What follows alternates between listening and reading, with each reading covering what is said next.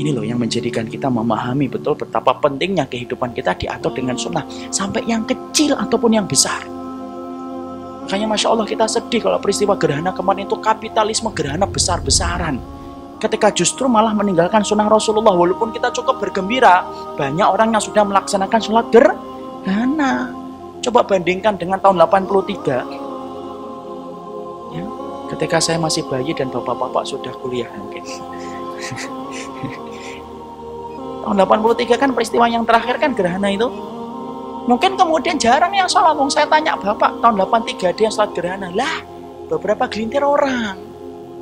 Yang bisa menjawab, ah itu berarti pastikan Anda sudah tua saat itu. Ya, karena saat itu saya masih bayi. Jadi Masya Allah, tapi tetap kemudian kita sedih ketika melihat banyak orang yang justru meninggalkan sun sunnah. Makanya Rasulullah SAW sampai berkata, Inna awalad dini tarkan as sunnatu tadhabu sunnatan sunnatan kama yadhabul hablu kuwatan kuwatan.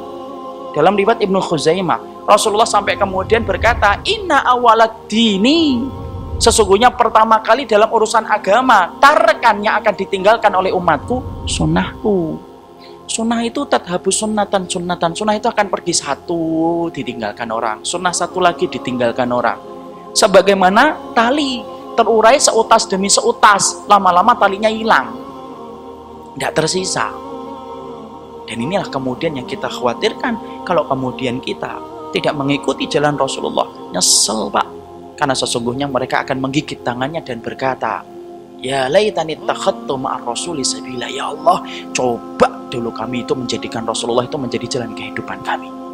Ingat-ingat loh, sebentar lagi ini kemudian ada pemilihan. Sampai milih orang kafir, Masya Allah. Berarti kita meninggalkan petunjuk Rasulullah Sallallahu Alaihi Wasallam. Ini harus kita hadirkan. Karena apa? Sunnah itu ngatur semua kehidupan kita. Kan kemarin pernah kita bahas Pak beberapa bulan yang lalu. Sunnah itu ngatur semua kehidupan kita. Jangan hanya menganggap sunnah itu ngatur sholat. Jangan hanya menganggap bahwasanya sunnah itu ngatur puasa, ngatur zakat. Enggak, itu saja. Tapi sunnah itu ngatur semua kehidupan kita. Semakin beruntung, maka semakin banyak kita mengamalkan sunnah. Sunnah itu ngatur sampai urusan kuku, diatur. Bagaimana kita disunahkan untuk memotong kuku. Bagaimana kemudian kita disunahkan sampai gigi saja, diatur sunnahnya. Bapak disuruh siwak. Kapan saja kita disuruh siwak? Mau sholat, siwak. Mau wudhu, siwak. Mau baca Quran, siwak Kenapa sih kalau membaca Quran itu harus bersiwak? Ada yang tahu? Ini ada jawaban. Kenapa kalau baca Quran disuruh siwak? Biar tidak bau. Ya jelas memang tidak bau. Tapi kenapa kalau baca Quran itu disuruh untuk bersiwak?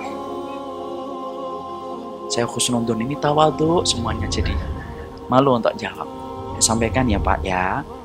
Seluruh sungguhnya kita diperintahkan untuk bersiwak ketika baca Quran karena sesungguhnya malaikat itu senang sama orang yang mendengarkan bacaan Quran. Makanya ada seorang sahabat kan yang hampir-hampir menurunkan malaikat namanya siapa? Usaid bin Khudair radhiyallahu anhu. Beliau membaca surat Al-Baqarah, muncul cahaya putih di atas langit. Baca lagi, tambah gede itu cahayanya. Baca lagi, tambah gede cahayanya. Kemudian beliau berpikir ini apa cahaya ini. Tiba-tiba mendapati kuda yang di samping beliau itu kemudian bergejolak liar.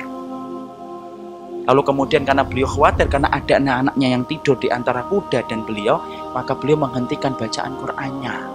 Pagi harinya Rasulullah mengatakan, coba kalau kamu teruskan bacaanmu wahai Usaid bin Khudair, maka pasti malaikat itu akan turun di atas muka bumi dan terlihat secara fisiknya.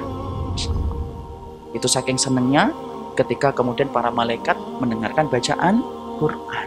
Sampai Rasulullah mengatakan saking senangnya malaikat itu mendengarkan bacaan Quran wa yadha'ufahu ala fihi. Maka kemudian para malaikat itu meletakkan bibirnya di atas bibir orang yang membaca Al-Quran. Insya Allah. Kok nggak kerasa Ustaz? Ya nggak kerasa. Kalau kerasa Bapak lari. ya. Dan ingat loh, malaikat itu apa? Innal malaikata tata'adza kama yata'adza bihil insu. Sesungguhnya malaikat itu sensitif terhadap bau sebagaimana manusia itu sensitif terhadap bau. Makanya itu loh yang menjadi hikmah. Kenapa kamu kalau baca Quran bersiwak? Ya, supaya apa? Malaikat ketika menempelkan bibirnya di atas bibir kita, dia mencium bau yang wangi. Saking senangnya, wa yadau ala jaufihi. Maka saking senangnya malaikat itu kepada orang yang membaca Quran, diletakkan itu orang yang membaca Quran di antara kerongkongan para malaikat.